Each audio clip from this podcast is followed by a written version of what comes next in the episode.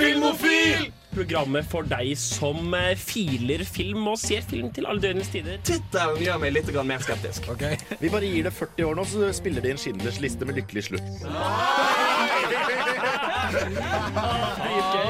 Så vi får se. Men da har vi en sammenligning mellom Ja, ja, ja. Mike Hansburger og Tom Cruise. Man har hørt liksom, synopsiset, for dette er kanskje det mest Tim Burton jeg har hørt om okay, på lenge. Du hører på Filmofil på Radio Revolt. Hasta la vista, Ja. baby. Ja, hei og velkommen til Filmofil på Radio Revolt. Og nå står vi i studio og er veldig happy alle mann, for vi har fått ny jingle! Så dette er, eh, dette er rett og slett eh, jomfruturen til vår nye jingle på radioen. Ja. Men eh, ja, vi er i hvert fall blitt veldig glad i den, alle sammen. Eh, I dag skal vi på Filmofil snakke om ramaskrik. Yes! For eh, vi har vært på skrekkfilmfestival denne helga. Yay! Fy faen. Vi har rett og slett en knakende god sending på lager for dere. Og ja, med meg i studio i dag så har jeg på teknikk. Trine. Vi har fått eh, tilbake sin gamle jobb fra, fra eh, vår faste filmnerd. Henning? Og vi har også med oss vår regissørspire. Sunniva. Og eh, ja, jeg tror vi er eh, Jeg tror vi har en eh, aldeles, aldeles finfin sending på lager, så det er bare å bli her på Radio Revolt. Eh, vi har jo litt sånn eh, skummelt tema på låtene våre denne sendinga også. Så vi skal åpne med Turboneger med All My Friends Are Dead. Ja, og som sagt skal vi på eh, i kveld snakke om ramaskrik her på Filmofil. Men i den anledning er det jo litt relevant for dere der ute å vite hva ramaskrik er for noe. For eh, ja, ramaskrik er jo rett og slett en skrekkfilmfestival. Og av alle ting så har de funnet ut at det rette stedet for å ha det, var Oppdal. Å, herlighet. Men det er jo rett sted å ha det. Litt av. Sånn Lita bygd, masse hytter og sånn, og så sånn svære fjell på sida. Altså, det blir jo ikke noe mer sånn spooky enn sånn derre halvveis nedlagt skiheis, holdt jeg på å si. Sånn som det var der vi bodde. Eh, Ja, herregud, vi bodde jo eh, Det var jo en oppblåsbar snømann ikke langt fra der vi bodde. Så jeg var litt sånn Faen, kommer snømannen og tar oss nå, eller? Um, faen. skal si Den var litt mer happy. jeg. Ja, men snømannen snømannen har bare blitt creepy etter jeg har lest Snømannen. Ja, sant det. Men du må jo, vi bør kanskje forklare litt hva en, en skrekkfilmfestival egentlig innebærer. Trenger det det, og er ikke veldig, veldig sånn Jo, men fordi, fordi der ute som kanskje aldri har vært på en filmfestival i det hele tatt, så er jo konseptet at man bare samler en haug med filmer på samme kino, og så setter man de opp. Men eh, i motsetning til eh, f.eks. Kosmorama her i Trondheim, da, hvor de tar inn alt mulig rart, så tiltrekker på en måte en skrekkfilmfestival seg veldig bestemt type filmer, og derfor også en veldig bestemt type folk. Ja. Og det, det var noe av det som overraska meg ganske mye. Hvor liksom god stemning det var der hele tiden. Fordi alle var liksom i samme modus.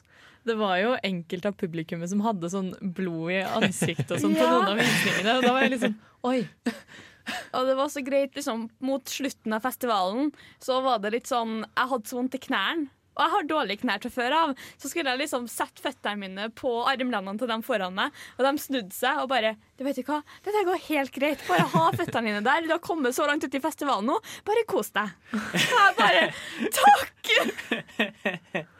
Ja, Man ble liksom litt sånn venner med alle som var der. Fordi at man ble kjent igjen altså, Av de som var der på nesten alt, sånn som vi var, da, Ja. så var det veldig sånn 'å, halla', liksom. Selv om man egentlig ikke vet hvem hverandre er. Ja.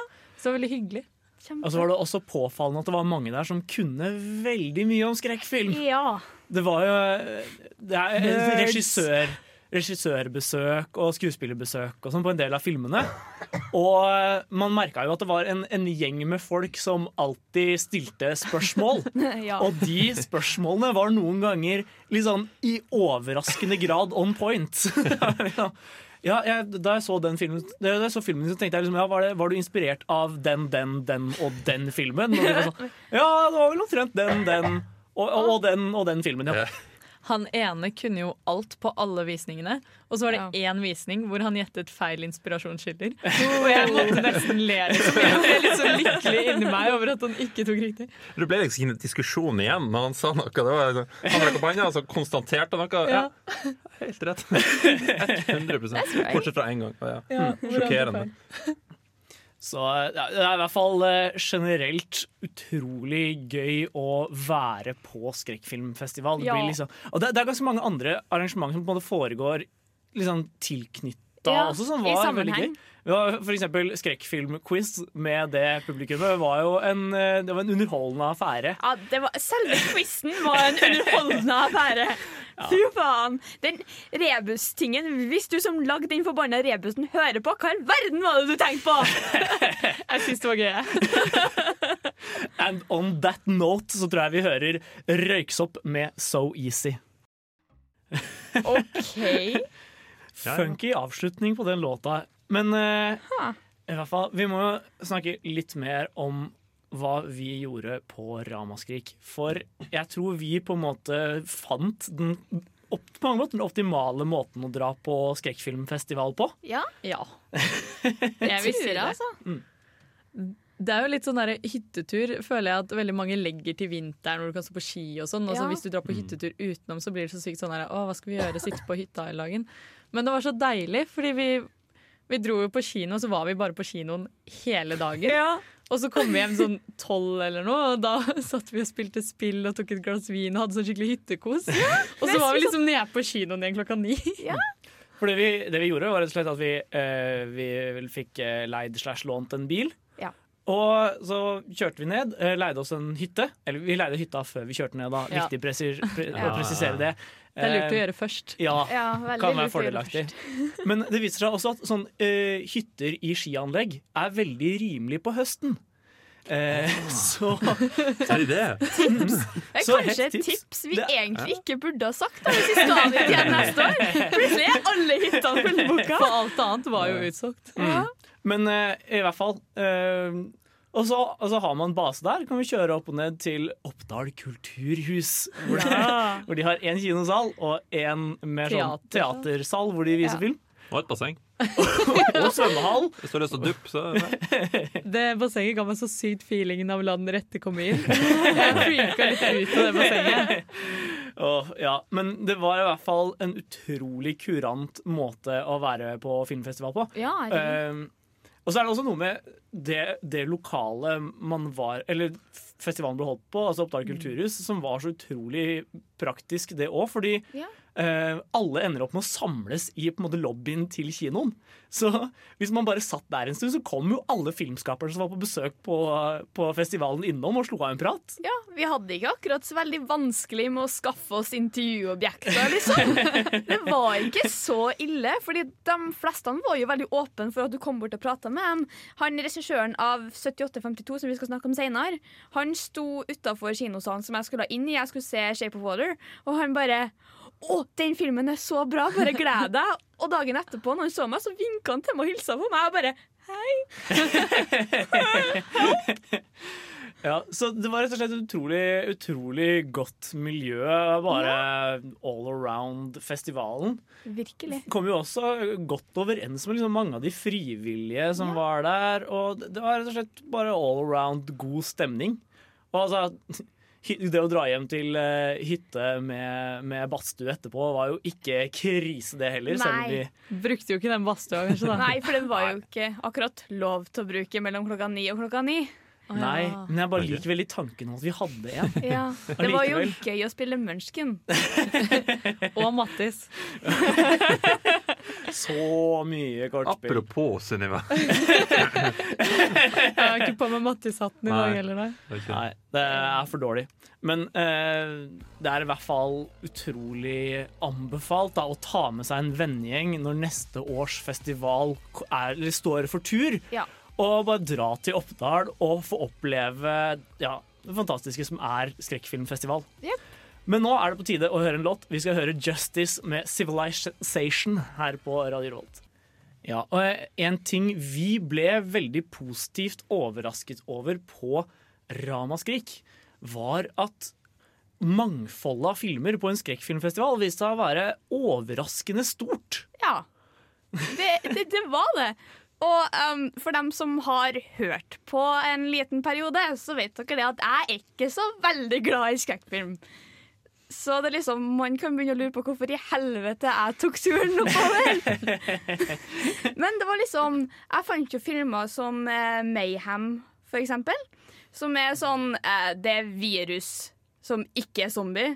Men som liksom gjør til at eh, hjernen din eh, slår av eh, alt eh, som heter hemninger. Så du gjør jo hva faen du vil! Og du kan ikke bli eh, satt i fengsel for det, for at eh, de har sånn du, du var egentlig ikke deg sjøl, så det telles ikke. Men liksom, jeg fant ut det at etter å ha begynt å prøve meg på litt skrekkfilmer, så begynner jeg å like skrekkfilmer nå. det tok liksom ramaskrik til for da skulle det bare sånn OK, vet du hva, mye av det her er faktisk ganske bra. Det er litt som når man lærer seg å drikke kaffe. Man, man, man, liksom, man syns ikke det er noe godt i starten, så drikker man mer og mer av det. Til slutt så kan, klarer man seg ikke uten. Ja. Men jeg er jo veldig enig med deg. Det var jo sånn, for eksempel Det var jo de hvor det var sånn humor, eh, splatter, eh, altfor Ja. dårlig Og vi, eh, vi, vi, splatter. vi har en veldig dårlig å snakke Ja. om senere også, i sendinga. Men du hadde jo også de hvor det var så liksom sånn creepy feeling at jeg liksom følte ubehag. Ja. Så du fikk liksom alt aspekter, da. Ja. Hvis det er de to ytterpunktene, liksom, så hadde du alt imellom. Det var jo en film der jeg nesten lå på gulvet. Vi satt på første rad hele gjengen, og jeg liksom la meg bare lenger og lenger ned i setet. For jeg bare, det her er så ubehagelig at jeg klarer det ikke lenger. Det var skikkelig fascinerende å se på Trine under den, sånn, så i løpet av den filmen. Fordi hun bare, Stillborn, som den også Ja. het. ja, hun bare skled liksom, sakte, men sikkert lenger og lenger ut på gulvet. Ja, for Stillborn var den hvor jeg kanskje frika mest ut av Ja. liksom, stemninga. Og da var det også sånn at det hjalp ikke liksom å lukke øynene engang, fordi at lyden var så ubehagelig. Jeg var sånn, Kan dette ta slutt snart? Ja. Hvis vi tar en sånn kjapp recap av hvilke subsjangre av skrekkfilmen vi har vært innom i løpet av helga, så har vi Ja. vært innom liksom, altså, Mayhem er nevnt, som er helt klart en slags sånn splatter-komediesjangeren, kanskje. Action, egentlig. Ja, Ja, action er. Splatter. Nei, du har, du har mer blod enn kanskje en gjennomsnittlig actionfilm. Ja, ja, ja. actionsplatter. Action splatter-komedie. Action splatter Splakster-komedie! Nei, sp? Nei, jeg vet ikke. Um, men um, i hvert fall så har du ja, Stillborn, som vi også nevnte, som er en veldig klassisk og ren litt sånn spøkelsesfilm. Litt sånn moderne, ja. sånn du ser den ut i dag. Spøkelsesdama kommer og tar babyen din. Du I veit ikke om det er helt psykisk eller faktisk Nei. en demon-opplegg. Mens i andre enden så har du på en måte eh, eh, det litt det er nokså grafiske kidnappingsdramaet Hounds Ja. of Love, som vi garantert kommer tilbake til. Den kommer vi tilbake til. Men du har også liksom retrospektiv med gamle thrillere. Ja. Du har, vi så jo en dokumentar om en skrekkfilm. Ja. Eh, og, også, også liksom ting som er skikkelig lavbudsjett, til førpremiere på ting som har ganske stort budsjett. Så man, tar, litt- man, man kommer inn- innom et utrolig bredt utvalg av filmer. Ja, for vi var jo så heldige å få sett eh, før, sånn skikkelig skikkelig førpremiere av Guillermo del Toro sin nye film, 'Shape of Water'. Som jeg er veldig fornøyd for at jeg fikk få med meg. Det er jo faktisk Du kunne ha funnet på den festivalen der og ikke sett en eneste skrekkfilm Ja. fortsatt føle at du har fått nok for pengene. Ja, Det, var, det var så mye som jeg følte ikke var skrekkfilm i det hele tatt. Ja. Og så bra. Jeg kunne ha kost meg uten en eneste skrekkfilm. Men du kommer ikke unna skrekkfilm allikevel. Nei. Men alle har jo på en måte et snev av skrekk. De er jo på en måte der Du skjønner hvorfor de er der, Ja. men samtidig så er det ikke den der klassiske skrekkfilmen. på en måte Jumpscares. Jump scares, her Ja. skal jeg komme og skremme deg, liksom. Det er Ja. noe litt mer psykisk, som bare sånn Mm. ødelegger det. Etter vi så Hands of Love, for eksempel, så eh, var jo jeg ødelagt i sånn to timer etterpå, og kroppen min bare Nå skal vi, nå skal vi slå oss av. Ha det bra!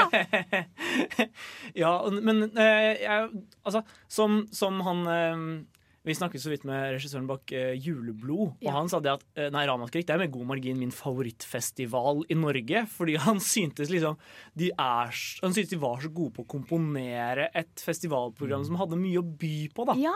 Og det, jeg, jeg kan jo ikke på en måte ta han på det, for det er rett og slett jeg, ble, jeg ble rett og slett skikkelig skikkelig imponert over, over programmet deres. Ja. Han eh, som hadde regissert eh, 7852, den dokumentaren også, sa jo at han anbefalte det til alle han jobbet med i LA, og det var faktisk mange av de som hadde kommet dit i fjor. Jeg sånn. vil ha Elijah Wood på neste rad! Han sa, stemmer for det. han sa at han kanskje skulle prøve å gjøre det. Så jeg bare Jeg vil bare ha han der. Og han gi skulle meg jo vært Elijah på Wood. tilbake. Ja, skal jo det. Ja, han, hans, hans, var neste han skulle lage, var en film om Chestbuster-scenen i I Alien. Alien. Og da, da måtte han jo selvfølgelig komme tilbake Ja, til ja. ramaskrik i Oppdal. Oppdal. Syns jeg er helt herlig at det liksom er en greie. Men uh, nå skal vi høre Wu-Tang Clan med Wu-Tang Clan Ain't Nothing To Fuck With her på Radio Revolt. fuck with. Wu-Tang Clan ain't nothing to fuck with. Wu-Tang Clan ain't nothing to fuck with. There's no place to hide Hei, jeg er eh, Agnes Kittelsen, Og jeg er Aksel Henning, og det er viktig at uh, dere hører på Filmofil. filmofil. Oi, har du, har du vært og gravd i arkivet, eller? Jeg har vært og gravd litt i arkivet og funnet fram et klipp av uh, gode gamle Aksel og Agnes. Men eh, nå skal vi bevege oss videre til eh, den kanskje mest relevante filmen vi så denne helga. For eh, det var jo en god del førpremierer, som nevnt. Ja. Eh, blant annet førpremiere på en film som har premiere denne uka. Vi skal ta en liten kjapp sånn ja, anmeldelse-ish av Tragedy Girls. Ja. Og hva, hva syntes dere om filmen, Sunniva? Jeg syns det var veldig gøy, egentlig. Ja? Ja. Det var litt sånn annerledes enn de andre filmene. Det var sånn, ja, morsomt. Litt callback til forrige stekket hvor du sa mayhem. ikke sant? Jeg føler at denne her faller litt i samme Ja. boks. liksom. Litt sånn humor, vold Jeg vet ikke. I en sånn salig blanding. Ja. Humorvold. Vollmur, nei. Eh, Let's move on! men i hvert fall, uh, filmen handler jo om to jenter i en liten amerikansk by som Ja. er veldig lei av eh, eh, at det ikke skjer noe der. Og så plutselig er det en seriemorder på ferde. Og så eh, driver han og eller, altså, Åpner måte filmen med at de har fanget han seriemorderen og skal prøve å overbevise han om å lære dem liksom the craft of killing. Fordi ja, de, har, de har så lyst til at det skal skje noe, at de er villige til å drepe folk sjøl. Nei, jeg tror ikke det at de er villige til at det skal skje noe. Det er mer det at de har ikke lyst til å bli glemt, så de har lyst til å liksom bli seriemordere sjøl. De, de har en blogg som heter Tragedy Girls, som de har hatt en stund. Så liksom, de vil jo bare ha mer oppmerksomhet på seg sjøl. Igjennom da den seriemorderen. Et lite tilfelle om å skape nyheter, mildt sagt. Og rett og slett bli seriemordere for å bli populære populær gjennom nyhetene Ja. av de her Så drapene. de har jo alltid hatt lyst til å bli seriemordere. Ja. Men de har bare ikke funnet noen De hadde jo nødt til å tracke ned han, ser, han seriemorderen for å få hjelp. Jeg har satt Ja. meg litt vel inn i filmen, OK? Ja, nei, jeg, jeg, kan jo ikke argumentere men mot dette. Men eh, nei, det er, poenget er i hvert fall at disse to jentene veldig aktivt prøver å eh, ja, de, de prøver å få liksom ting til å skje og skriver om det på bloggen sin. Og ja, det, det eskalerer jo, da, kan man vel si. Det skaper jo veldig sånn derre eh, high school-feel, men med masse blod og gørr og sånn morsomme seriemorder... Liksom, ja eh, Konflikter og episoder eh, Ja, forskjellige episoder av det, da. Ja, for det, det er så mye som skapes liksom, med humoren. Ja. For det bare eh, Det er én person som blir liksom De prøver liksom å ikke få det til til å se ut som et uhell. ja. Og så Fordi- er det den, den ene personen de dreper med et uhell. Så sånn bare OK, let's, let's, let's stage. Let's do something fun. Men jeg, jeg, i hvert fall, jeg, jeg hadde et par problemer med filmen også, må Ja. sies. Okay. Um, mitt første problem var sånn rent sånn på et uh, fortellingsplan så Eller jeg, jeg syns de brukte opp igjen litt mye fra gamle horrorfilmer. Um, det var veldig mye sånn der Ha-ha, så du hva vi gjorde der, eller? Det var, det var en referanse til den filmen.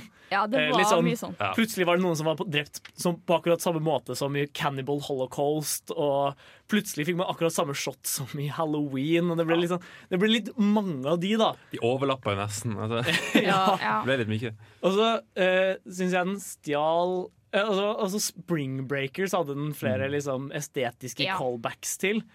Um, men jeg syns samtidig ikke den fikk til den derre uh, Det å uh, kritisere dagens ungdom på dagens ungdoms premisser-greia som, som Spring Breakers fikk til. da Nei, det er veldig sant. Eh, den, den ble veldig sånn der Ja, se på dagens unge med deres mobiltelefoner. Det er det verste folka jeg har sett. Hashtag blessed. Men eh, publikum kan jo ta med seg sånn notisbok da, og så ha sånn quiz under visningen. Og så kan de sjekke alle de kommer på. Alle de gamle filmene de ser igjen. Ja, det går an. Kanskje det er en anbefaling? Sånn klassisk skrekkfilmreferanse-bingo. Ja. Eh, hvor alle så skriver reiser ned du deg opp og sier 'bingo' når du har fått alt. Ja, eh, jeg tror, jeg tror vi har på en måte nøkkelen til et uh, vellykket besøk på, uh, på Tragedy Girls i lomma her. Ja. Men nå tenker jeg vi tar en låt. Vi skal høre Daft Punk med Technologic. Ja, og Det er jo ikke til å komme bort fra at det var mange norske filmer som var representert på dette årets utgave av Ramaskrik. Ja, det var det. Overraskende mange, faktisk. Ja. Det viser seg at liksom, skrekkfilm er noe av det det faktisk går an å lage i, norsk, i Norge, selv uten støtte fra staten. Ja. Jeg skulle til å si det, Overraskende mange, overraskende bra òg. Ja, det var bra. De var gode. Vi har jo liksom litt det derre skrekkfilmnaturen, da. Eller sånn derre hytte oppå fjellet uten mennesker rundt, og skoger og ja. Mørkt halve året. Og Ja, ja. Det, det ligger veldig i kortene at man skal ha en skrekkfilmindustri. Men, eh, eller at, at skrekkfilm skal være mulig å lage i Norge. Men det at det skal bli produsert så mye skrekkfilm som det blir, er jo, var jeg oppriktig overrasket. Mm, Vi kan snakke litt om hvilke filmer som konkret var representert. Da. For det, det viktigste er jo kanskje åpningsfilmen, Ja. som Mm. var hjemsøkt. Den var jo akkurat klippa ferdig. Den hadde jo ikke rulletekst engang! Ja. Så det er liksom som, Den handler om at eh, um, det er ei som tar, må ta over um, Familiegården. Ja, godset. til faren, for han dør. Og så liksom følger vi henne i det huset helt alene. Og så er det liksom noen sånne småting som skjer, og ei lita jente som vi ikke er helt sikre på hvem faen er. Det er jo litt sånn Ja, for hun har jo ikke vært der siden hun var liten. Nei. Og du innser jo ganske fort at Eller hun begynner jo å få minner som hun ikke Mm. husket at var der. Ja. Eh, blant annet om denne lille jenta, da. Og det er ganske sånn creepy. Sånn person alene i et stort hus. Jeg har ikke lyst til å være alene hjemme nå, liksom. Og du er aldri sikker på om Nei. hun er gal, eller om det her faktisk har skjedd. Ja. Og det sitter de og spiller med gjennom hele filmen fram til siste, de siste 20 minuttene, og så får du liksom svaret på hva som har skjedd, da. Jeg var også ganske overrasket over hvor visuelt pen den egentlig var. Oh, ja, herlighet. Fordi det er ganske utfordrende når du liksom har bare den ene location. Da, for det var jo ekstremt få skudd som ikke var i det huset. Mm. Og når du bare har ett hus å spille på, at du klarer å variere kameravinklene i så stor grad, og at du klarer å på en måte fortsatt gjøre det spennende å se på, da. Ja. Det syns jeg var eh, skikkelig bra jobba. Til å være norsk så ble jeg skikkelig sånn mm. Bare ja! Herlighet! Fortsett sånn! Fortsett sånn! Ja, og, og Det var veldig spennende å høre på regissøren snakke etterpå. også, For det virka Ja. som produksjonen av den filmen hadde gått så utrolig fort. De hadde liksom, det var tre uker de spilte den inn. ja, tre uker med innspilling, og det var liksom Det var eh, og, Men også preproduksjonen hadde bare plutselig hadde bare alt falt på plass. Og så hadde Ja. de vært på et hus, og så hadde de filma ting på tre uker. Og så hadde de brukt liksom dritlang tid etterpå for å få det å se skikkelig bra ut, fordi de hadde mulighet til det. da Ja. Eh, og så må musikken nevnes. Det var jo noen Ja. blant publikum som sa at det var den beste Lyd... eh, ja, Lyddesigner. lyddesigneren de har Ja. sett i Norge, faktisk. Ja. Og så for så vidt så skal hun som spiller den lille jenta, også ha sykt mye skryt. Av. det, hvem var det var datteren til henne? da? Eh, Henriette Stensrup ja. og han andre som Han jeg andre. ikke husker navnet på. To skuespillerforeldre. Den lille jenta hadde sparka hun som spilte hovedkarakteren i foten i en evighet etter de var ferdig med en tagning, for hun måtte bare få ut frustrasjonen, tror jeg. Ebba heter hun. Ja. Ja. Ja. Veldig Ebba. flink. Mm. Men det er i hvert fall en annen norsk film vi også er litt nødt til å snakke om. For vi Trine, vi var Ja. jo så Vampyr-Vidar. Ja, vi var det. Det var, Veldig annerledes, kanskje? Ja. det, men det var faktisk en utrolig fascinerende liten greie. Det var ikke en, det var ikke en lavbudsjettfilm, det var en mikrobudsjettfilm. Ja. Den var lagd på en halv million kroner Ja. totalt sett. Så du kan tenke deg det ligger litt gratisarbeid da, fra, de, fra de involverte i, i den filmen. Det var jo fascinerende å høre på regissøren. For regissøren han var jo han var skuespiller, han var manusforfatter. Eh, Han Han- var liksom alt Ja, han for har å vært med spare på å penger. komponere musikken. Det var liksom Ja, Men, men fungerte det? For det pleier jo ikke å fungere. og det funka. Okay. jeg, jeg, jeg, jeg, altså, Det er ikke den beste filmen jeg så denne helga. Nei. Det er det ikke, Men jeg var, rett, jeg var skikkelig imponert over hva de klarte å få til med en halv million kroner. Altså, for det, Ja. hvis du tenker Når du skal lage en film, så forsvinner en halv million kroner fort. Ja. Men der hadde de liksom Altså, Filmen hadde en konsistent tone. Den hadde liksom altså, he, hele, hele premisset er jo at du har uh, Vidar som er bonde på Jæren. Ja. Og så er han så lei av livet sitt sånn det er nå, at han ber til Gud om å på en måte få uh, hva er det han sier da? Spesifikt? Smake på jenter fra 20 og oppover. eller 20 pluss. 20 pluss. 20 pluss. Um, og, Og plutselig så blir han en vampyr og Ja, drar til Stavanger. Og, Ja, og så er Jesus han følgesvenn, da, som Hva faen? Jesus er også vampyr og en skikkelig drittsekk. Ja! Så det var morsomt spill på religion og liksom det å tro på ting. For jeg var bare sånn Satire her, vær så god. Ja, for jeg, jeg har jo ikke sett den, men jeg har sett coveret hvor eh, han Vidar da står i sånn felleskjøpedress. Og så fikk jeg med meg at noen var kreditert som Jesus. Og da var jeg litt sånn uh, hva, hva var det her for noe? Det er veldig gøy. Ja, det var det. Veldig gøy. Det var, det var faktisk en virkelig underholdende film. Altså, vi håper inderlig da at den får norsk kinodistribusjon, for det har den Ja. dessverre ikke fått enda. Nei. Men eh, de driver og jobber seg rundt på festivaler rundt omkring i verden, Ja, så de det er, det er håp for Vampyr-Vidar også. det, altså. Men la oss høre en låt. En, litt, eh, Tittelen er i hvert fall nokså relevant. Vi skal høre 'Monster' av Kanye West. Ja, velkommen tilbake til Filmofils Ramaskrik spesial. Og vi har jo vært på skrekkfilmfestival denne helga, og var så heldige at vi fikk lov til å snakke med store deler av crewet bak en film ved navn Vettlaufers enke. Det var en halvtimes kortfilm som handler om en kvinne ved navn Agnes Wettlaufer, som har en mann som gradvis blir en demon. Eller blir han egentlig det? Um, og vi fikk, vi fikk snakke med eh, ja, både manusforfatter og regissør, produsent og to av skuespillerne. Blant annet Margrethe fra Barne-TV. Men eh, vi har i hvert fall et eh, klipp her om hva som var inspirasjonskildene til filmen, så jeg tenker vi bare kan høre på det med en gang. Ja, nei, men altså det eh, Svaret på det er vel kanskje litt sånn og sammensatt. Altså å ha litt med Hotell Madden å gjøre. Eh, når vi møtte Gudmund Saksvik, som, eh, som gjorde den makeupen i, i den filmen, så vi visste også at vi hadde en dyktig makeupartist. Eh, så, liksom, så ideen vokste liksom ut av hvordan kan vi bruke han, hvordan kan vi bruke Margrethe. Eh, så det starta vel kanskje litt sånn der. Og så var det i en periode jeg leste veldig mye HP Lovecraft.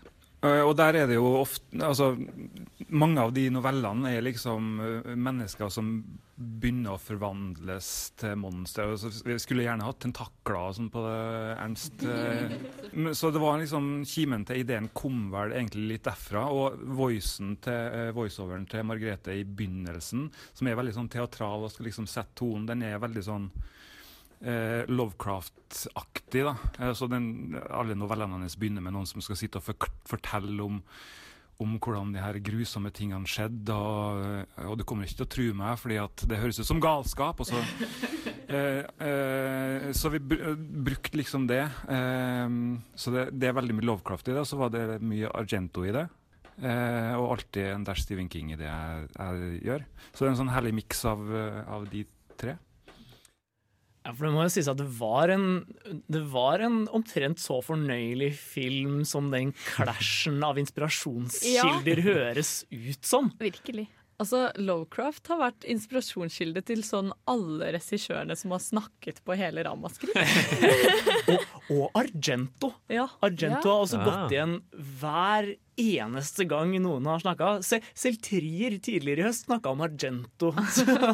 Det, er, det er tydelig at liksom det har vært en at de, de to har vært ve- veldig viktig inspirasjon for mange skrekkfilmregissører, for å si det mildt. Men jeg tenker vi skal ta, ta litt om selve historien bak denne filmen også, før vi går videre inn i plottet. Fordi den hadde jo innspilling allerede i 2001. Ja, En, 2001. ja. 2001? Eh, og eh, altså, den lå 16 år Ja. ufullført.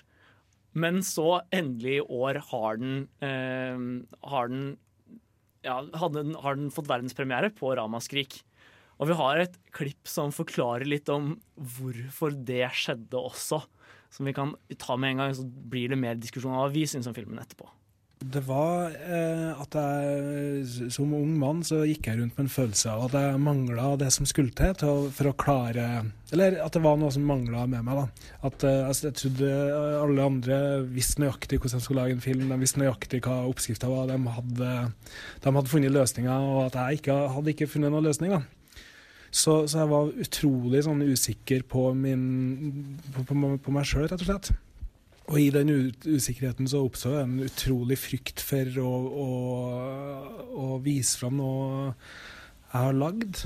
Og det ble, liksom, det ble rett og slett for overveldende. Frykten ble så stor at jeg torde ikke å gjøre den ferdig, rett og slett. Så, jeg- så jeg tok med de her eh, teipene og har hatt dem med i en bag. Jeg har hatt dem med meg på alle flyttelass. Liksom, og hver gang jeg har liksom funnet fram den bagen, så har det svidd litt i eh, magen min. liksom. Og så begynte jeg i ei, eh, i ei mannsgruppe. Og i en mannsgruppe så er vi liksom seks menn som sitter og snakker om livene våre og, og problemene våre. Og så prøver vi å dytte hverandre ut av mønster og ideer vi er veldig overbevist om at det er reelle. Kort forklart så handler det mer om å om å pushe hverandre til å gå imot uroen, i stedet for å hele, hele tida legge strategier for å komme seg unna uroen.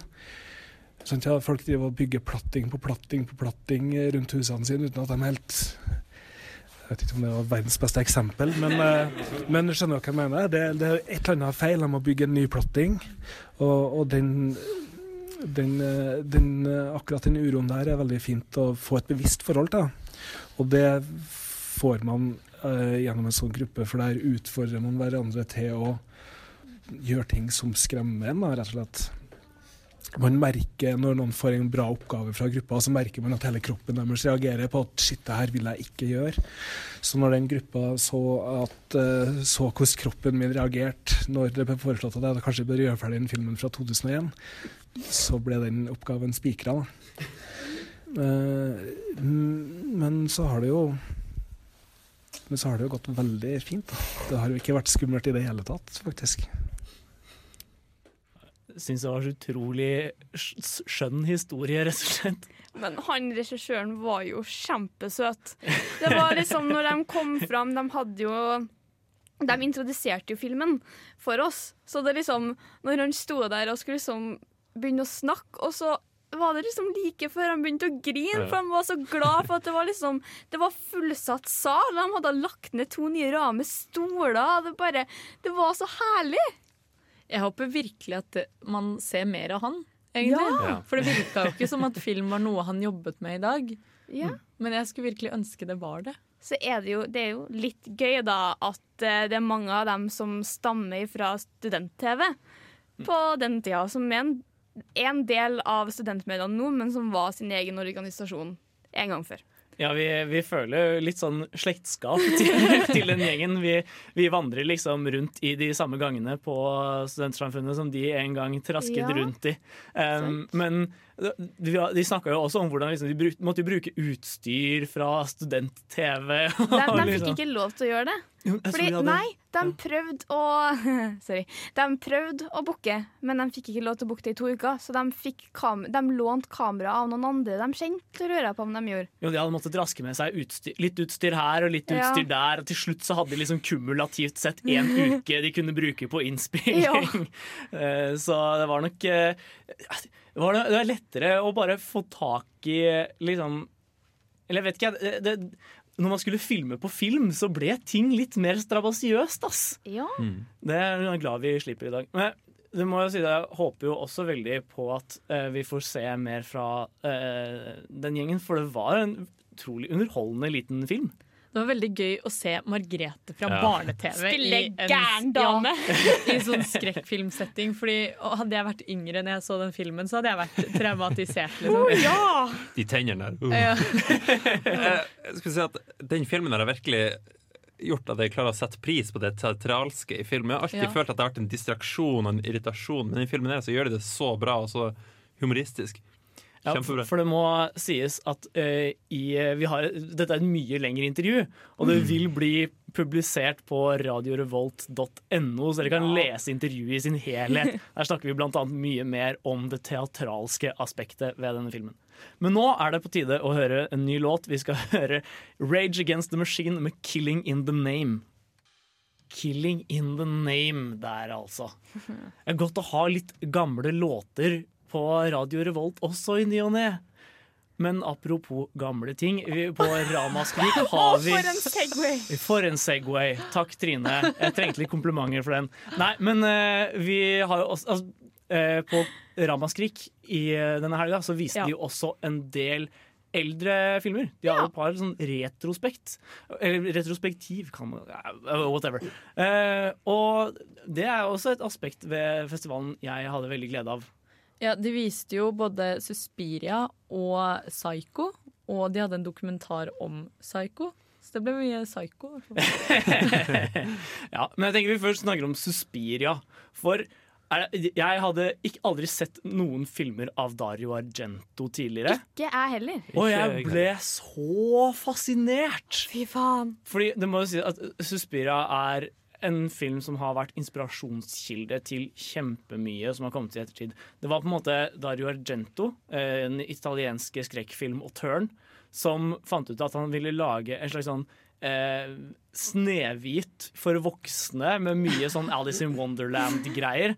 Og det må understrekes for voksne, for det var, eh, det var, det var helt klart innenfor horrorsjangeren. Men maken til fargebruk den filmen hadde, ass. Jeg satt, eh, jeg satt på siden av en annen kompis av meg som ikke er med i Filmofil. Men er bare sånn, Vi satt liksom og bare lente oss mot hverandre hele tida. Bare Se på det der! Se på det der! Det der er ikke lov! Du kan ikke gjøre sånn! Det, bare, bare, det å bruke farger for å bare ramme inn og vise forskjellige farger på forskjellige steder. Som det var et rom som var liksom eh, hadde eh, tappe som var hvit og svart, og så var det liksom i enden så var det liksom et rødt rom. Så bare, Det var så mye kontraster i bruk, og det var så stilig. Men ja, jeg følte at lyset var på en måte brukt både sånn at hvert shot var et kunstverk, men Ja. også veldig sånn fiffig i forhold til forberede publikum på hva som var i vente. For Ja. eksempel, hovedpersonen bodde jo på et hvitt rom. Men noen ganger så kom det på en måte rødt lys, og da visste visste du Mm. at OK, nå er det noe ille på ferde her. Det var, det var veldig on the nose, liksom. Det var veldig Mhm. tydelig at nå skjer det noe. For det var plutselig sånn øreskjærende musikk. Ikke sant? Bare hun ser mot deg i døra og tenker at å ja, det er noen på utsida. Ok.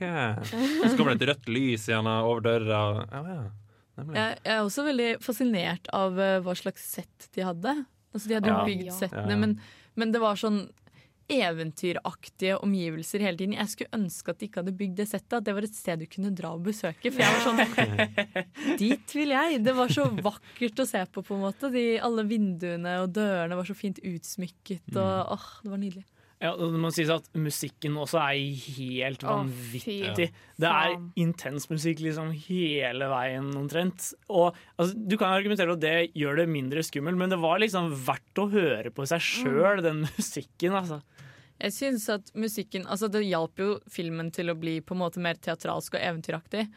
Men for min smak var den noe høy og litt Ja. for skjærende. Jeg hadde ikke det Fordi det, var litt sånn vondt i ørene. Henning satt jo og holdt seg litt Ja, for ørene. det. Måtte. Ja, det må sies at den, den kopien vi så av filmen, som var helt vanvittig pen sånn oh. utseendemessig Technicolor. Ja, Jeg, jeg vet ikke om det var en eh, vanvittig bra restaurert 30 mm-utgave, eller om det var en ny, ny digital versjon, men det var virkelig helt sykt bra bilde. Ja, fy faen. Og, eh, men, men på lydsida så var det ikke like liksom Finpussa. Det, var, det føltes i hvert fall ikke like finpussa. Det var, det var litt skjærende til tider, men det var ikke noe som ødela filmen i det hele tatt, for Nei. min del i hvert fall. Herregud. Eh, så jeg, nå skal jeg i hvert fall se flere Dargento-filmer framover. Det er det ingen tvil om. Jeg har lyst til å se de to som kommer etter, for det er vel to oppfølgere også. Ja, det er en trilogi. Mm. Mm. Det er rett og slett en, eh, en filmskaper. Det er en skam at vi ikke har sett noe av tidligere. Men eh, ja, som sagt så viste de også Psycho. Ja. på eh, festivalen. Men eh, den kom det jo også en dokumentar om, som vi, som vi skal diskutere litt etter denne låta. Så eh, nå får dere Michael Jackson med 'Thriller'. Michael Jackson og det er ikke måte på! Her tar vi det helt ut halloween, altså. Ja, det, det er, man leker ikke skrekkfilmfestival. vet du. Nei, nei, nei. Men eh, det er litt ironisk å komme med eh, det utsagnet rett før man skal snakke om en dokumentar. Men det var i hvert fall en veldig do interessant dokumentar som ble vist på Ramaskrik i år. Ja. Eh, Alexander Phillips 78-52. Og det 78-52 eh, refererer til, er dusjsekvensen i Psycho, Ja. som er eh, 78 sekunder og 52 klipp. Tror det var noe sånn. Ja. Um, og det er i hvert fall eh, en halvannen times dokumentar om liksom det, den ene lille sekvensen i Psycho. Som han gjerne kunne hatt i ti timer, liksom. Mm. Ja. Jeg hadde ikke hatt noe mot å sette det i ti timer. Ja. Det er noe med det. Han sa han hadde ti timers stoff, i hvert fall. Men vi fikk slått av en prat med han Alexander Philipp. Ja. Veldig festlig type. Eh, så jeg tenker vi rett og slett kan høre han forklare hvorfor han hadde lyst til å lage en film om Eller lage en dokumentar om akkurat Hitchcock sin film. Well, you know, I've been a huge fan of Hitchcock's work for, you know, forever, you know, since I was a little kid. And uh, I've been really fascinated by his work and his craft and sort of the way he, you know, just sort of constantly shows you new things. I mean, I think the more you watch his movies, the more you see things, you know, it's, it's amazing. And so, uh, so to me, really, so, well, first of all, I wanted to make a, kind of a cinematic tribute to the shower scene, which I felt like was kind of really needed, you know, 57 years after its release. Um, but also, um, I think looking at a detail is kind of a way to to look at the whole in, the, in a brand new way. Um, I, you know, I feel like if you look at the shower scene, you can see uh, so much from Hitchcock. You can see his fears, his obsessions, his entire sort of moral universe. You know, it's all it's all kind of in there. And so, by sort of really focusing on the shower scene, it's a way to look at Psycho and then more generally, you know, look at Hitchcock, and then also really kind of reflect on uh, on cinema and what it does. han var virkelig en fascinerende fyr å prate med. For det var liksom, uansett hva du sa til han, så kom det en, så, en sånn monolog da Ja. om et eller annet. I hvert fall hvis det var Hitchcock-relatert. da. Han var liksom, fløy ut han. Han virka som en sånn sjukt trivelig type, og jeg var så overrasket over hvor mange kjente folk han hadde fått med seg. Ja. Ja. Fordi han er jo en dokumentarskaper. Altså, han Ja. lager jo ikke noe annet enn dokumentarer, da. Nei, han Så hvordan har han blitt kjent med alle disse folka? Men når jeg møtte han, så var jeg litt sånn Å ja, OK, Ja. det, det er sånn da. Jeg kunne godt ha har meg ned og tatt et par øl med han og bare prata film resten av dagen. Jeg hadde ikke trengt å dra hjem fra Oppdal. Jeg kunne bare prata med han. Det var verdt å vente to timer på å få snakke med han. Ja, det var jo det. Ja. Men det må jo også sies at det er som han sier, at Psycho har hatt en helt Og Dussen helt spesifikt har hatt en voldsomt stor innflytelse på hvordan man har lagd film i ettertid. Mm. Og jeg tenker vi rett og slett bare kan la han forklare hvorfor det er så viktig. Yeah, I mean, you know, that's the thing that's amazing about this particular scene is that it's really kind of transcended its own movie. I mean, it's it's become a part of culture to the point where people who haven't even watched Psycho, you know, kind of know about the shower scene, and uh, and usually they can also hear the music, you know, in their in their head. So it's this weird kind of thing. You know, I can't think of another scene in movies that really has the same kind of impact. You know, uh, I mean, there's a few, there's a couple, but I think the shower scene is probably the the apex. You know, so um, so as a result of that, it's been you know, of course, parodied. It's been imitated. It's been paid tribute to, you know, in hundreds, if not thousands, of movies. Um, I mean, I'm still finding like new adaptations or, yeah, I mean, or parodies of the shower scene uh, almost every week. You know, there's always some. You know, if you go to YouTube, I mean, gosh, they're like everywhere. You know, it's just it's insane. You know, so. Um, so I mean, it's it's that and that's you know uh, that's uh, proof that I think what Hitchcock did, and not just him, but you know George de Messini, the editor, and Bernard Herrmann with the music, and Saul Bass with the storyboards, and you know all of the people that worked on that scene, um, they they somehow created a cultural moment where, I mean, I think you can really sort of look at that scene and say it's kind of the Mona Lisa of of movies. You know, it's uh, it's it, it, it belongs in a museum. it really does. You know, it's it's it's really the most important, I think, two minutes in the history of movies. Ja, Beklager at det var litt bakgrunnsstøy der. Vi måtte gjøre intervjuet midt i resepsjonen til eh, Ja. Oppdal kulturhus. Mens de rigga ned en festival. ja.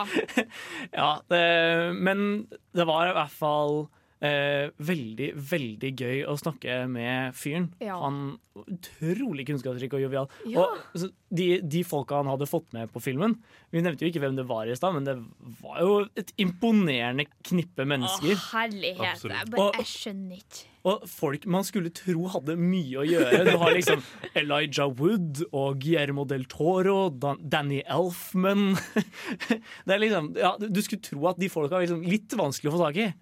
Den jeg syns var mest interessant at han hadde med, var egentlig hun bodydubberen. Ja, som til spilte- Janet Lee. Ja, hun som spilte i den faktiske scenen, da. Eh, og altså ja, Hvem vet at det i det hele tatt er en bodydouble, liksom? Og så har han funnet opp henne, da, og hun var liksom Hva var det for noe? Eh, Playboy-modell på den tida. Ja. Bare blitt spurt hei, vil du være med i en Hitchcock-film, og hun var liksom ja ja, det kan jeg godt. Jeg lurer på om hun var en av de første bunniesene i Ja. Chicago eller noe sånt, Mm. eller hva vi sa i filmen. Men hun var så sjarmerende og hyggelig, og liksom Ja, måten hun fortalte om hele opplevelsen på, var så nydelig, syns jeg. Ja. Ja, 7852 er i hvert fall en eh, film vi kan anbefale alle som er liksom marginalt interessert i Psycho. For det er en utrolig fascinerende dokumentar, på tross av på en måte, det man skulle anta var et litt sånn snaut utgangspunkt. da. Og så viser de jo på Cinemateket i morgen. Yes, Så det er bare å løpe dit. Men nå skal vi høre Åge Aleksandersen med 'Det er min dag i dag'. Hei, dette er Nicolai Kleve Broch. Eh, Jeg vil bare si, hør på Filmofil, så får du med deg mye bra stoff om film. Kort og godt. Ja, jeg føler Nicolai Kleve- Broch han, eh, han kan få sagt det. Ja, ja. Men det er et annet viktig aspekt ved uh, Ramaskrik som vi knapt har snakket om til nå. Og det er forfilmene de brukte. For Ja. eh, jeg, jeg innså plutselig at forfilmer på kino har jeg sett sånn én gang. Men det er jo fortsatt utrolig gøy når det skjer. Ja. For det, eh, Pixar er veldig flink med å ha forfilmer før Ja. filmene sine når de er på kino. Jeg husker Hver eneste Pixar-film jeg har vært og sett på kino nå i det siste, har hatt forfilmer foran seg. Og det er jo kjempekoselig! Du setter deg liksom i den feelingen. Og bare skal OK, nå skal jeg se Pixar. Mm. Jeg syns det er en tragedie at vi ikke ser forfilm oftere i, i norsk kino. Fordi Ja. de forfilmene vi så den festivalen her, var dritbra. De ga mange av filmene et skikkelig skikkelig godt løft. Det er jo utrolig sånn Ja, for det første så setter det deg i en stemning, da. Mm. Og du vet på en måte hva du har gått til. Men det er også veldig ofte at det er utrolig bra kortfilmer. Ja. Sånn, Både Pixar for all del, de har nydelige kortfilmer, men også i dette tilfellet hvor det var kanskje mindre kjente Ja. eh, produksjonsselskaper. da. Mm. Ja, og det er jo også et utrolig fint forum for kortfilmer å bli vist i. Mm. Ja. Altså, det er jo et sted folk er, og man forventer ikke å få det, så det blir liksom bare bonus. Eh, men vi kan jo snakke litt konkret om noen av forfilmene vi så. For altså, det åpna veldig bra for min del. Det som ble starten på festivalen for meg, var forfilmen Great Choice. Great Choice, det var jo den beste. Ja, ingen tvil. Og konseptet var ah, jeg, skal ikke, jeg, jeg klarer ikke å begynne å forklare det. Det- Det handler om en, en Red Lobster-reklame. Ja, det er liksom Synopsisen står jo bare 'It's a woman trapped in a red lobster commercial'. Ja. Og det er egentlig den beste måten å forklare det på. Ja. For at jeg vil ikke at vi skal gå inn i mer, for at liksom folk må bare finne den og se den. Den ligger på YouTube. Great, Gjør den? Great Choice heter Great den i hvert fall. Takk Gud. Det er et veldig Great bra choice. valg. Jeg jeg er så glad for at du sa at jeg liker YouTube, for jeg. Etter da vi kom tilbake til hytta, at vi så den, så måtte jeg søke den opp. For jeg, jeg, jeg måtte se den på nytt på nytt, på nytt Og jeg fant den ikke. Hæ? Jeg, jeg er ganske sikker på at den lå okay. på YouTube. da, da, da stoler Jeg jeg, på skal ikke love, da. Men vi så jo også flere utrolig kule forfilmer. Jeg husker eh, på eh, Vampyr-Vidar, så var det også veldig Fucking bunnies. Fucking bunnies. Eh, det handler om et sånn stille nabolag, hvor det, eller en stille blokk, Ja. hvor det bor liksom kun mer eller mindre anstendige folk. Plutselig flytter inn en gjeng med satanister. Det var vel en satanistkult? Ja, en satanistkult. Og det som viser seg er at de egentlig er veldig ålreite folk. Men han, han hovedpersonen syns liksom alltid at det er litt rart, og ender opp med liksom alltid være litt sånn frekk mot dem og sånn. Ja. Eh, det er liksom utrolig herlig eh, Finsk ting. eh, metafor for fordommer, da, rett og slett. Ja. Vi så også en norsk en, jeg og Henning. Ja. Knask eller knep. Knask og knep. Knask og knep ja. het den faktisk. Eh, veldig morsom. Den hadde en veldig morsom vri, i hvert fall. Ja, det, var den vrien som gjorde den, Ja, egentlig. ja, egentlig. Ja. Men den var jo også sånn De fortalte at eh, ja, de hadde bare fått eh, Han som hadde lagd filmen, da, han kjente tydeligvis noen i Ramaskrik, eller de visste hvem han var, eller noe, en eller annen norsk filmskaper, som bare hadde sagt Hei, jeg har liksom det her, kan jeg bare slenge det sammen og sende det til dere? Og de var sånn Ja, det er jo gøy, da. Så da bare gjorde de det, og så hadde han slengt det sammen i løpet av et par dager, og så sendt det av gårde, da. Ja, for det var uannonsert. Det sto ikke noe program. Eller noe sånt. Når filmen skulle starte, så bare Ja, forresten. Ja.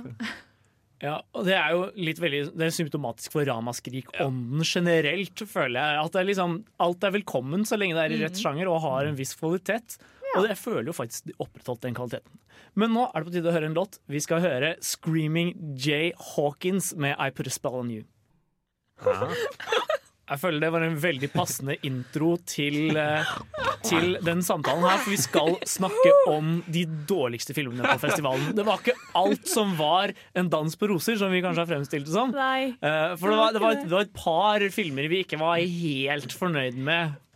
Eh, ja, blant annet uh, griselyden passet ganske bra til uh, 'Tonight She Comes'. Ja. Uh, Syns i hvert fall jeg. Uh, herlighet.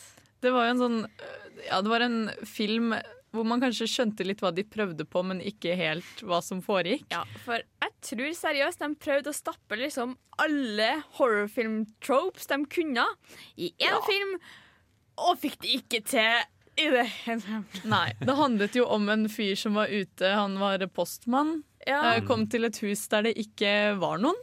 Så da la han seg ned i hengekøya deres. Så våknet han av at to venninner kom dit, og de lette etter venninna si som bodde der. da. Ja. Uh, og så ble det egentlig bare Fra der så var det litt sånn Ja, hun dukka jo opp full av blod, sa ingenting. De prøvde å komme seg inn i huset, og der var det en sekt. Uh, og så bare balla det på seg, da. Og det var litt sånn Jeg skjønte at de prøvde å være morsomme med det hele, Det men det funka ikke, altså. ikke helt. Eh, ja, det ble for dumt, da. Ja, det, det var liksom enkelte deler du ser at Enkelte deler kunne ha funka, men hver eneste del har de trukket alt altfor langt. Sånn som de karakterene i sekta og de Ja. jenta. ikke sant? Du sa at ja, kanskje.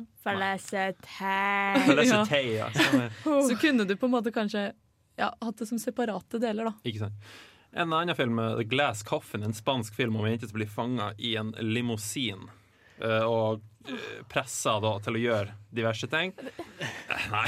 Den, Det den kunne ha funka. Det er nettopp det. Det, det er det som er så trist. Det var en film jeg virkelig hadde lyst til å like. Ja. Men for hvert minutt så gikk den bare lenger og lenger ut. Og. Ja, for det, det som irriterte meg Eller den, den melder seg jo inn i samme sjanger som liksom Buried Ja. og Ja. Phone Booth. Det er filmene som er liksom horror, men på et, et veldig bestemt lite sted. Bare Klaustrofobisk. Ja. Panic Room og sånn. Ja, men den bare, den bare var liksom aldri på vei noe sted, og dit den endte opp, var liksom, var liksom dust. Ja, to, to gode ting om den. da. Jeg syns det var litt kult noen ganger med lys og sånn i refleksjonene på vinduene. og sånn Ja. Det syns jeg Ja. de hadde spilt godt på. Også det at den spanske talen gjorde det veldig overdramatisk, og det til tider kunne bli litt funny.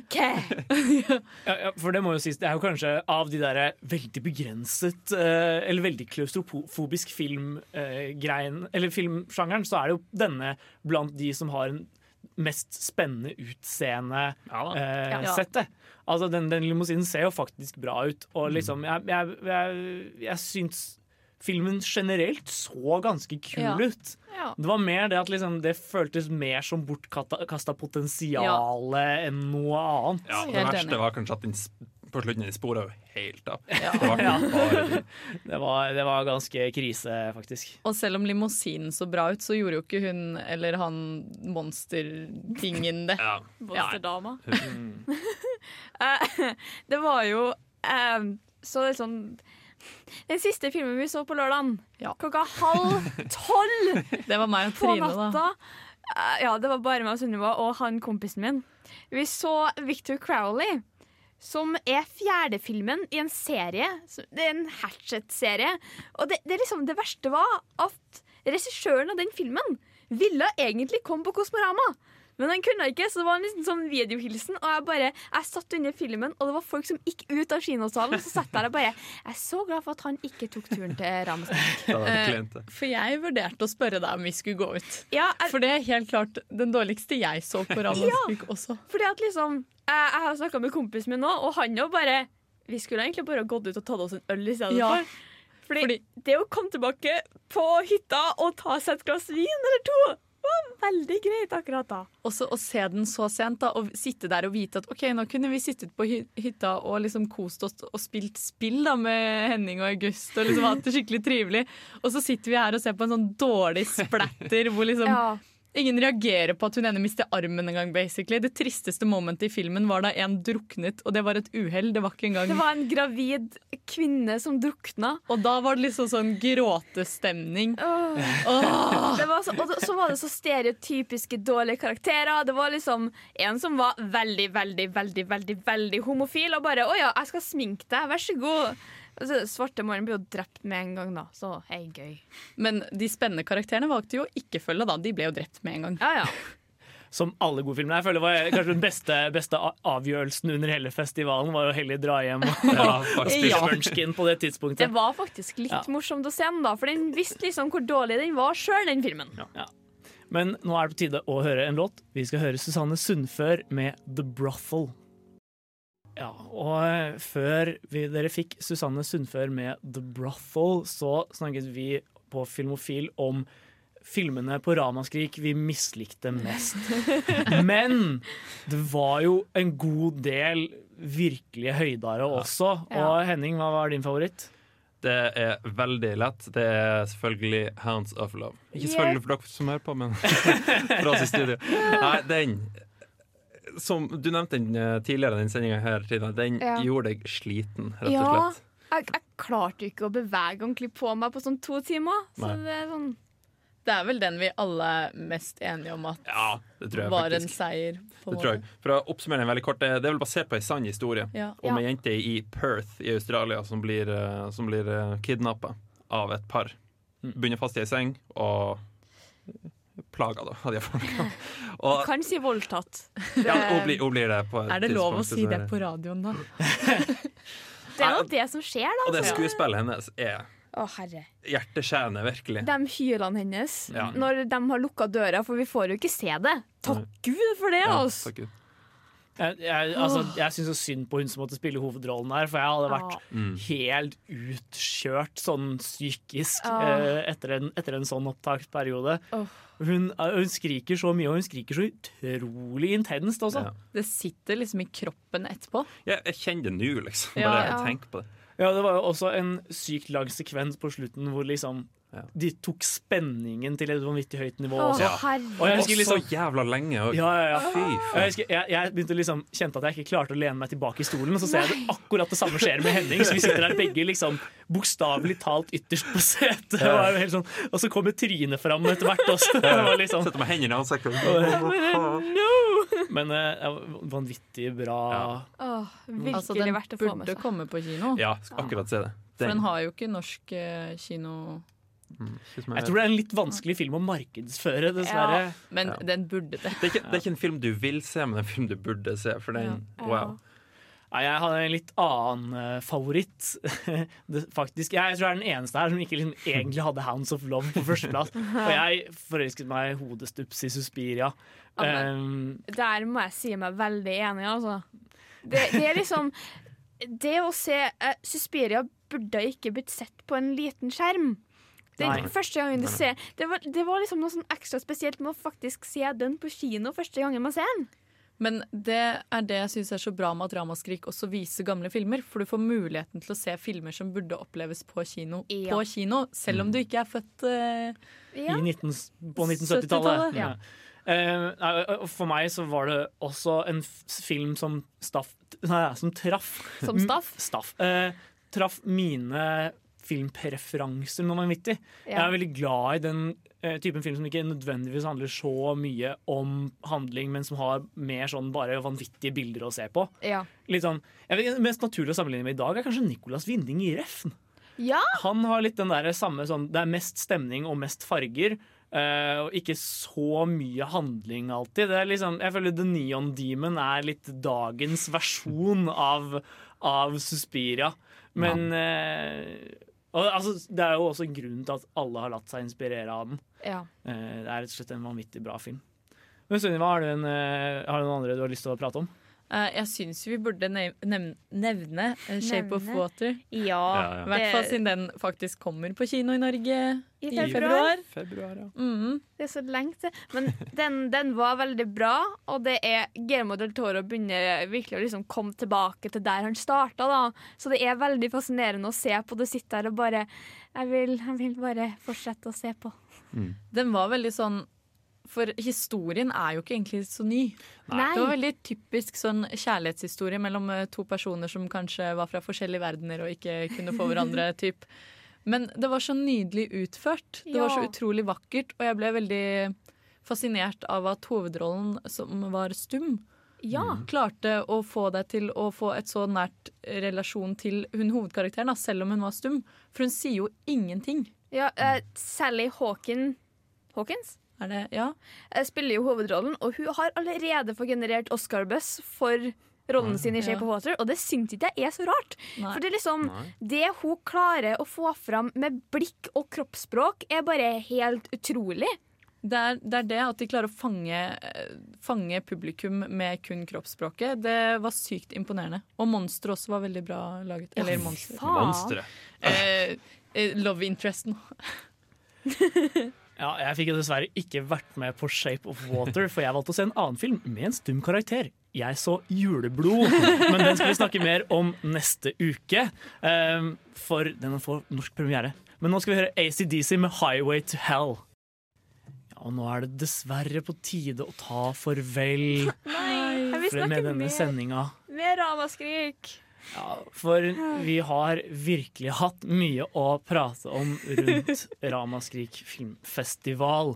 Så mye å prate om at vi ikke fikk ut alt. Eh, Så hvis dere har lyst på mer Ramaskrik-innhold, så er det bare å sjekke ut vår side på radiorevolt.no. Der vil det bli publisert fulle intervjuer med filmskapere og masse gøy.